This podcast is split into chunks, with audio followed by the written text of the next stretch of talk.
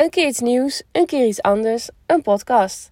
Deze podcast die is in samenwerking met de Instagram 8 Dichtjes. Daar staan al honderden korte uh, verhalen, gedichten uh, beschreven die je kunt lezen. Um, met deze podcast wil ik eigenlijk ook graag vertellen. Een gedicht is uh, meer dan soms alleen een woord, meer dan alleen een tekst. Het is het gevoel, het gevoel van de schrijver wat je daarin wil horen, wat je mee wil nemen. Um, nou, waarom nou Mommy Water? Ik, uh, ik wil daar wel even iets over vertellen.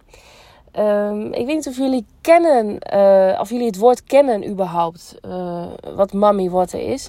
Kijk, in heel veel um, Afrikaanse culturen is het zo dat Mommy Water als een soort zeemeermin werd gezien.